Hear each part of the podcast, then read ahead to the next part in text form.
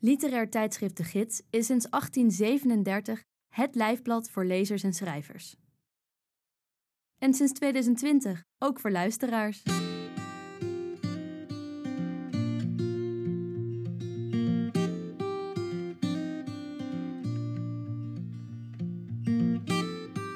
Je luistert naar de 71ste aflevering van Sprekende Letteren, een podcast met verhalen, essays en poëzie uit de gids. Voorgelezen door de schrijver of dichter zelf. In deze aflevering hoor je het essay Onaangename Waarheid van Daniel Rovers over het boek Prometheus, dat de Nederlandse auteur Carrie van Brugge in 1919 publiceerde. Onaangename Waarheid de Eerste Wereldoorlog had zelfs gevolgen voor de goede klasse in het gooi. Reizen was zo goed als onmogelijk geworden. De Alpen en de Europese kuuroorden waren onbereikbaar. Hotels in buiten- en binnenland dienden als noodopvang voor vluchtelingen en militair personeel.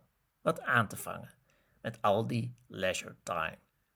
Er werden lezingen georganiseerd en Carrie van Brugge was een veelgevraagde spreker. Begin 1914 was ze, definitief gescheiden van echtgenoot Kees van Brugge, met haar twee kinderen vanuit de Amsterdamse Valeriusstraat naar het voorhuis van een voormalige boerderij in Laren verhuisd om een nieuw leven in de Luut te beginnen. Alimentatie hoefde ze niet. Door redactiewerk te verrichten, te schrijven, te vertalen en veel op te treden als gastspreker, kon ze zich handhaven als kostwinner en auteur.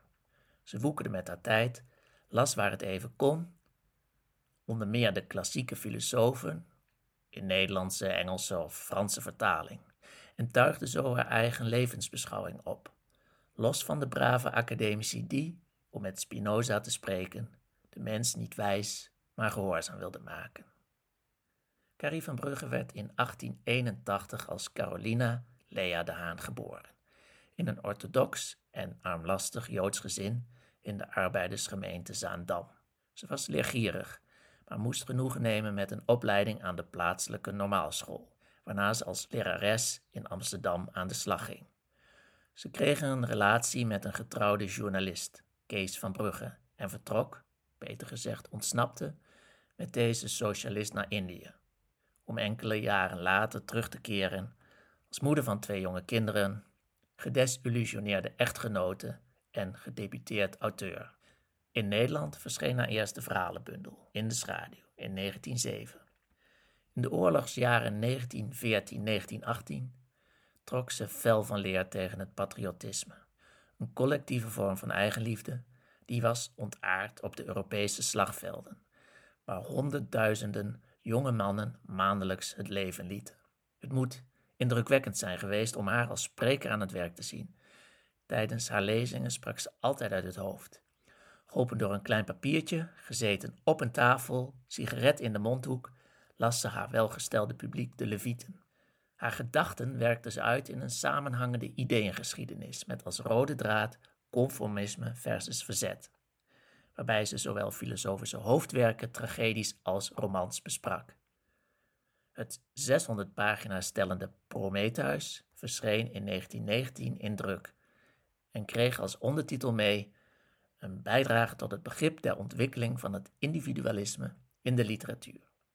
Prometheus begint met een revelatie. Het spinozistische inzicht dat alles één is, terwijl we juist waarnemen, dat wil zeggen onderscheiden, aan de hand van verschillen. Wat we warm noemen, is dat alleen vergeleken met wat koud is.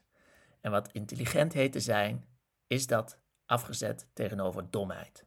Zulke onderscheidingen worden snel verabsoluteerd en doordat de denkende mens feitelijk niet anders kan, meent hij al gauw ook zelf fundamenteel verschillend van anderen te zijn. Kun je iemand meer kwetsen door hem gewoontjes te noemen?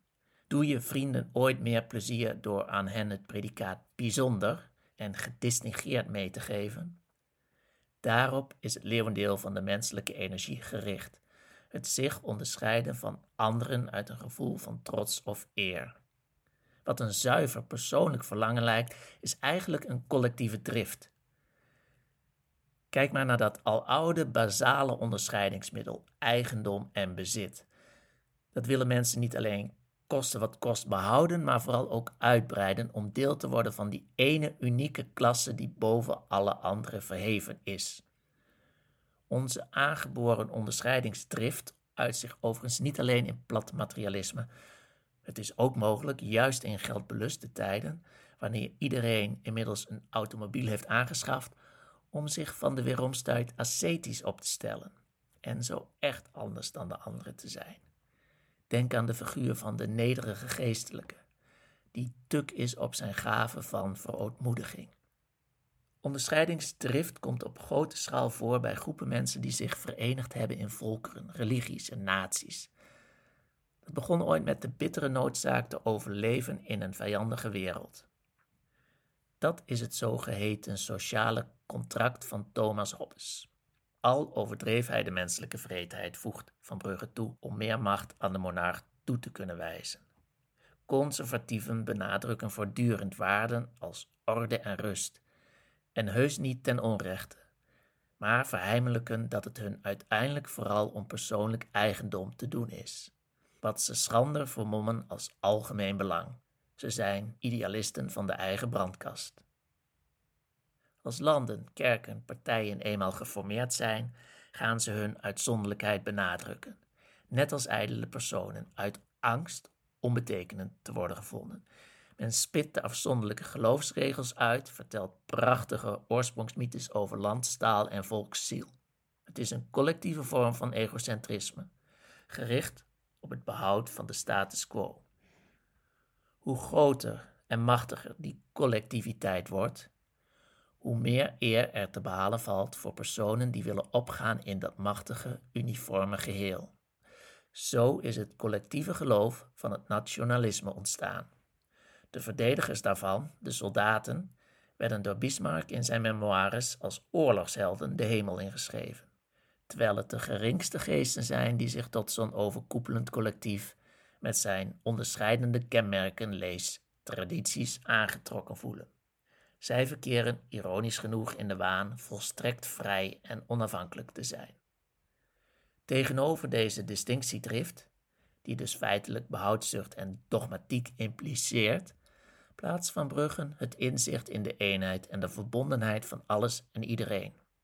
Wie die wijsheid inziet en haar in de praktijk durft te brengen, die is voor haar de ware individualist. Hij of zij stelt niet het eigen belang voorop, ook niet onder het mom van zelfbehoud, maar heeft de relativiteit van de eigen positie leren inzien en weet zich onlosmakelijk verbonden met andere mensen, met de natuur en de dieren en beschikt over een rechtvaardigheidsgevoel dat niet uit te besteden valt aan een wetboek of rechterlijke uitspraken.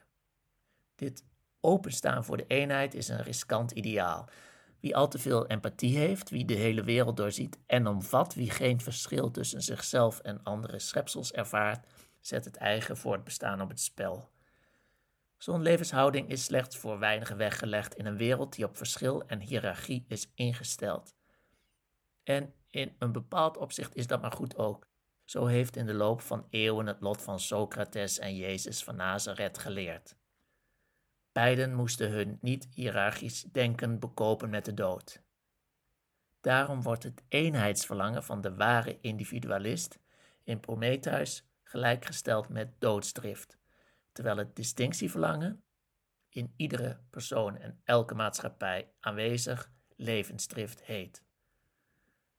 De rode draad in Prometheus is de opstandige Prometheus-figuur, die te herkennen valt in politiek-religieuze hervormers als Jezus van Nazareth, Luther en Robespierre. Van Brugge erkent dat zulke revolutionaire vuile handen maken, maar wenst daar geen nadruk op te leggen, zoals de ethische conservatieven plegen te doen. Hen hoor je nooit over de folterkamers van koning en tsaren, sneert Van Brugge, of over het verderf dat het Amerikaanse kapitalisme wereldwijd zaait. De revolutionair is begiftigd met een sterk rechtvaardigheidsgevoel, dat zich vaak in woede uit. Om iets te kunnen vernietigen, zo luidt het in Prometheus, moet je het eerst hardgrondig haten. Citaat: Niemand kan een hand uitstrekken naar een samenleving zolang hij door haar schoonheid is geboeid. Haatgevoelens maken veranderingen mogelijk, maar dan treedt onvermijdelijk weer een periode van verstarring in. Wat leidt tot nieuwe dogma's en een nieuwe vorm van autocratie. Zo gebeurde het ook met de intellectueel Marx, schrijft Van Brugge, wiens geschriften door Lenin tot leer werden gemaakt. En zo eindigde de reformatie met de steile Calvijn, zoals mazelen in zichtbare uitslag. Friedrich Nietzsche is de filosoof, naast Spinoza en Hegel, wiens aanwezigheid in Prometheus het sterkst wordt gevoeld. Als Van Brugge zich verzet tegen de onnozelheid, het gebrek aan wijsgerig inzicht van de autoritaire 17e eeuw, en haar pijlen richt op de 19e eeuwse hersenwetenschap, die zogenaamd aantoonde dat het mannelijk brein superieur aan dat van de vrouw zou zijn, zoals de kerk al eeuwen verkondigd had, is dat met Nietzscheaanse schwoel, aangevuld met multatuliaans feminisme. Van Brugge zaait twijfel over het geloof in een vaste moraal, ook dat van wetenschappelijke denksystemen. Als scepticus stelt ze vooral vragen. Is het altijd goed om trouw te zijn, ook als dat leidt tot medeplichtigheid? Is zachtmoedigheid per definitie een deugd? Of kan het ook aanleiding geven tot ontsporingen, omdat zachte heelmeesters stinkende wonden maken? Is rechtvaardigheid een plicht, ook als dat betekent, in het uiterste geval, dat je familieleden uitlevert aan het gerecht? Is pacifisme een oplossing als je moet toestaan dat onschuldige mensen worden uitgemoord? En ben je nog wel een pacifist als je duldt dat anderen in jouw plaats het bloedige werk opknappen? Alleen wie zulke fundamentele twijfel verdraagt, mag zichzelf een individualist noemen. En zo'n individualist, Nietzsche zou spreken van een Übermensch, moet worden onderscheiden van het leger overmoedigen, waarvoor in Also sprach Zarathustra gewaarschuwd wordt, omdat ze brullen als leeuwen zonder ooit een kameel te zijn geweest. Er is veel zelfoverschatting in de wereld. Voortdurend denkt men het dogmatisme van het collectief, staat, kerk, partij, te hebben afgelegd om zich vervolgens over te geven aan nieuwe groepsvorming. Mensen zijn altijd meer kuddedieren dan ze denken. Prometheus verscheen twee jaar na de Russische revolutie, in het jaar dat de Volkerenbond werd opgericht. Maar van beide historische omwentelingen verwachtte Van Brugge bepaald geen wonderen. De Volkerenbond vond ze een initiatief van westerse landen, die zich opeens als de leermeester van de wereld opstelden, terwijl ze eeuwenlang onderdrukker waren geweest. En Marx had weliswaar de volksmassa's tot een groep aaneengesmeed door ze in hun afkeer tegen de bourgeoisie te verenigen, maar vervolgens ging de distinctiedrift met zijn volgelingen op de loop. Opeens werden proletariërs geëerd als een bijzonder ras, dat over een eigen proletarisch rechtsgevoel zou beschikken en over een proletarische psyche. En de felle socialistische oppositiekunst van weleer, destijds gemaakt vanuit een sterk antimaatschappelijk gevoel, veranderde in tamme gemeenschapskunst waarin de juiste idealen dienden te worden gepropageerd. De moderne kunstenaar moet zich ervoor hoeden om in de pas te lopen, waarschuwt Van Brugge, en neemt juist afstand van het heersende maatschappelijke dogma. Zo ontstaat een specifieke artistieke ironie, een voorbehoud bij alle waarheden die de mens zichzelf verkondigt. Ze noemt in het slothoofdstuk van Prometheus John Galsworthy, wiens werk ze vertaalde. Naast Anatole France met zijn roman De Goden zijn dorstig. Een volkomen sceptische, anti-ideologische houding is echter niet het gewenste eindpunt. Auteurs die zich ver boven de massa verheven weten, leveren bloedeloze teksten af. In het gemoed van kunstenaars worstelt Jupiter, de schepper van orde en regelmaat, met Prometheus, de bestrijder van de status quo. Grote verwachtingen had Carrie van Brugge van Prometheus dat ze als voorpublicatie aanbood aan de gids, om in meerdere delen te publiceren. Met name redactielid Johan Huizinga wees het manuscript af. Hij vond het pretentieus en, vanuit historisch oogpunt, amateuristisch. In 1918 verscheen de tekst alsnog in een tijdschrift, als feuilleton, in Groot Nederland. Een jaar later kwam het als boek op de markt. Recensies lieten lang op zich wachten. Het oordeel was niet onverdeeld positief. Op geen enkele manier sloot dit werk aan bij Van Bruggens eerdere romans. Succesvolle boeken als De Verlatene, 1910, of Het huwelijksdebakel, de roman Een kokette vrouw uit 1915. Lezers lieten het afweten. Wat overbleef van de eerste druk van Prometheus werd hergebruikt als pakpapier. Er heerste in die naoorlogse jaren papierschaarste. Carrie van Brugge heeft zich er in een brief aan J.A. Dermau over beklaagd dat ze als vrouw en bekend romancière twee vooroordelen te overwinnen had. Namelijk dat vrouwen niet denken kunnen en dat artiesten maar liever niet denken moeten. Deze ontmoediging werkte ze in 1920 uit in de roman Uit het leven van een denkende vrouw, onder het pseudoniem Justine Abbing. Hoofdpersoon Marianne Edema werkt aan een filosofisch boek dat in veel opzichten op Prometheus lijkt. Ze staat bekend bij haar vrienden als een, aanhalingstekens openen, vrouw met een mannelijk intellect, aanhalingstekens sluiten. Intellectuele heren in haar omgeving geven de voorkeur aan knappe jonge dames met een gulle mond. Edema is seculier en heeft een kunstschilder als man. Toch is ze maatschappelijk allesbehalve vrij. Alle zorg voor het gezin komt op haar schouders neer. Als ze tijd neemt om te lezen, te schrijven, komen zoon en man en dochter om aandacht vragen. Haar dochter zou willen dat haar moeder net als alle andere moeders was, dat ze niet zoveel zou denken, dat ze meer samen zouden winkelen. Van Brugge had weinig op met de vrouwenbeweging van haar tijd.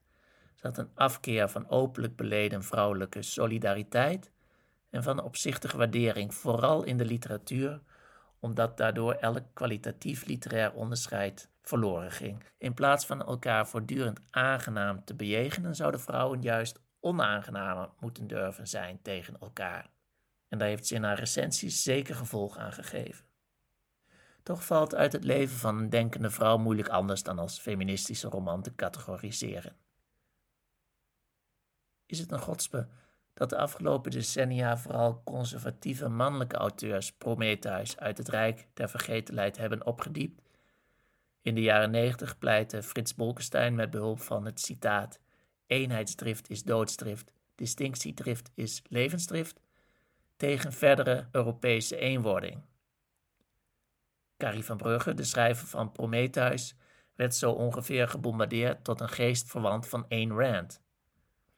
Van Brugge-bewonderaar J.L. Heldering merkte destijds al op dat Bolkestein de auteur niet helemaal begrepen scheen te hebben, omdat Van Brugge die eenheidsdrift helemaal niet louter negatief interpreteerde. Frans Kellendonk gebruikte datzelfde citaat, dat overigens niet in Prometheus voorkomt, maar in Van Bruggens latere toelichting De grondgedachte van Prometheus in zijn roman Mystiek Lichaam uit 1986. Kellendonk schreef daarin over het verlangen deel te zijn van een gemeenschap in zowel religieuze, historische als persoonlijke zin terwijl zo'n hecht verband altijd met buitensluiting gepaard gaat. Alleen al door zijn naam oefent Prometheus aantrekkingskracht op conservatieve en libertaire denkers uit. De belofte van een opstand tegen de socialistische collectiviteit. De stelligheid van het boek, inclusief prekerige herhalingen, draagt daar wellicht verder aan bij. Martin van Amerongen merkt al eens op dat het ontbreken van twijfel in Prometheus opvallend is bij een boek dat gewijd is aan de relativiteit van standpunten. Van Brugge bestempelde elke vorm van collectieve organisatie als identiteitspolitiek, als het noodzakelijkerwijs benadrukken van verschil. Maar als de conclusie vervolgens luidt dat elke emancipatiestrijd zinloos is, want sowieso verzandt in dogmatiek, is dat het tegendeel van haar streven, de status quo doorbreken. In Prometheus munten van Bruggen de term immanent dogma, de diepste levensovertuiging van een individu, tot stand gekomen op grond van ervaring en studie, niet te verwarren met collectieve opinies. Werkelijk eenheidsbesef, een inzicht in de verbondenheid van mensen, naties en levensbeschouwingen kon volgens haar niet anders tot uiting komen dan in paradoxen en gelaagde verhalen. Met andere woorden, in literatuur. Ze noemde zoals gezegd Galsworthy en France, terwijl andere modernere voorbeelden zich weldra zouden aandienen. In 1925 bekritiseerde Virginia Woolf in het essay Modern Fiction uit The Common Reader het schematische proza van Galsworthy, juist omdat het er niet in slaagde het allermoeilijkste vast te leggen, namelijk het vluchtige gedachtenleven van alle dag. Woolf bracht Ulysses van James Joyce onder de aandacht, dat in 1922 bij een Parijse uitgever in de openbaarheid kwam. Haar doorbraakroman Mrs. Dalloway uit 25 is onder meer een poging dat meesterwerk te emuleren. Zelf zou Van Brugge de stap naar het modernisme zetten met de roman Eva uit 1927, vermoedelijk zonder Joyce of Woolf te hebben gelezen. Vanuit haar eigen achtergrond, een meisje dat opgroeide in een orthodox Joods gezin, voor wie een rol als verzorgster was weggelegd, schrijft Van Brugge zowel kritisch als begripvol over behoudsgezinde religieuze gemeenschappen. In de roman De Verlatene uit 1910 valt te lezen dat de oude religieuze tradities de macht van de patriarchen in stand hielden en intellectuele ontwikkeling blokkeerden. Maar ook dat Nederlandse Joden bij aanvang van de 20e eeuw voortdurend en openlijk werden gediscrimineerd. Bij gebrek aan vernieuwing stroomden de Joodse gemeentes leeg. In de roman nemen de jonge leden van het gezin elk op hun eigen manier afscheid van het strikte geloof. Voor Van Brugge is het een bevrijding geweest zich los te maken van het geloof en religieuze geboden. Maar in 1926 berichtte ze ook, na een bezoek aan Oostenrijk, over de opkomst van de swastika in het straatbeeld en het anti-Joodse sentiment in Tirol, dat ondertussen al te graag Joodse toeristen bleef ontvangen. Haar broer Jacob Israël de Haan was toen al naar Palestina vertrokken. En weerwil van Van Brugge, die het Sionisme als een vorm van nationalisme beschouwde, waarbij verschillen werden verabsoluteerd tot onoverbrugbare kloven. Jacob Israël de Haan bekeerde zich in het Heilige Land tot een anti-Zionistische Joodse stroming, die toenadering tot de Arabieren in het land zocht. Hij werd in 1924 vermoord door een Zionistische extremist. Carrie van Brugge overleed in 1932, toen ze met een overdosis slaapmiddelen een einde aan haar leven maakte.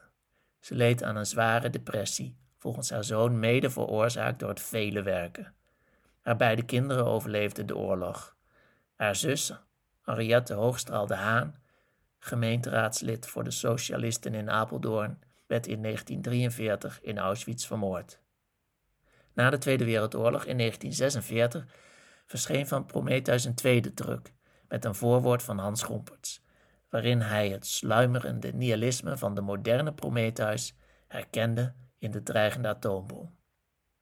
De kritiek die in Prometheus op de staat werd geleverd, kwam na de oorlog in een ander licht te staan.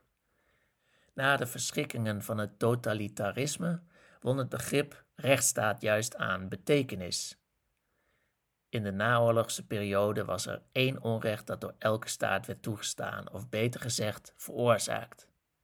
Namelijk dat al degenen die geen nationaliteit bezaten, omdat die hun was ontnomen door de nazi's, geen enkel recht meer hadden. Dat heeft Hannah Arendt benadrukt in haar pleidooi voor het recht op rechten. De leden van de collectiviteit, schrijft Van Brugge in Prometheus, kunnen heden dwepen met vrijheid en morgen op revolutionairen schieten. Heden tranen plengen op de graven hunner martelaren en morgen andersdenkenden als ketters verbranden. Ze dwepen met de waarheid en liegen voortdurend zonder het te bemerken. Ze schrijven op het ene blaadje hebt elkander lief en op het andere blaadje al te goed is buurmans gek.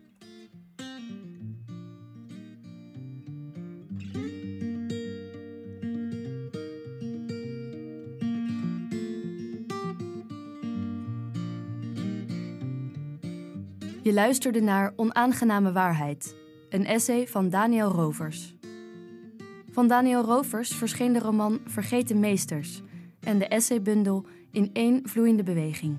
Aan de Schrijfacademie van de VU gaf hij colleges over Carrie van Brugge en Frans Kellendonk. Wil je dit essay lezen? Dat kan. Alle bijdragen die je in Sprekende Letteren hoort, zijn terug te vinden op onze website www.de-gids.nl. Wat je ook kunt doen op die website, is een abonnement nemen op de gids. Vanaf 20 euro per jaar ben je al abonnee en steun je het langstlopende literaire tijdschrift van Nederland.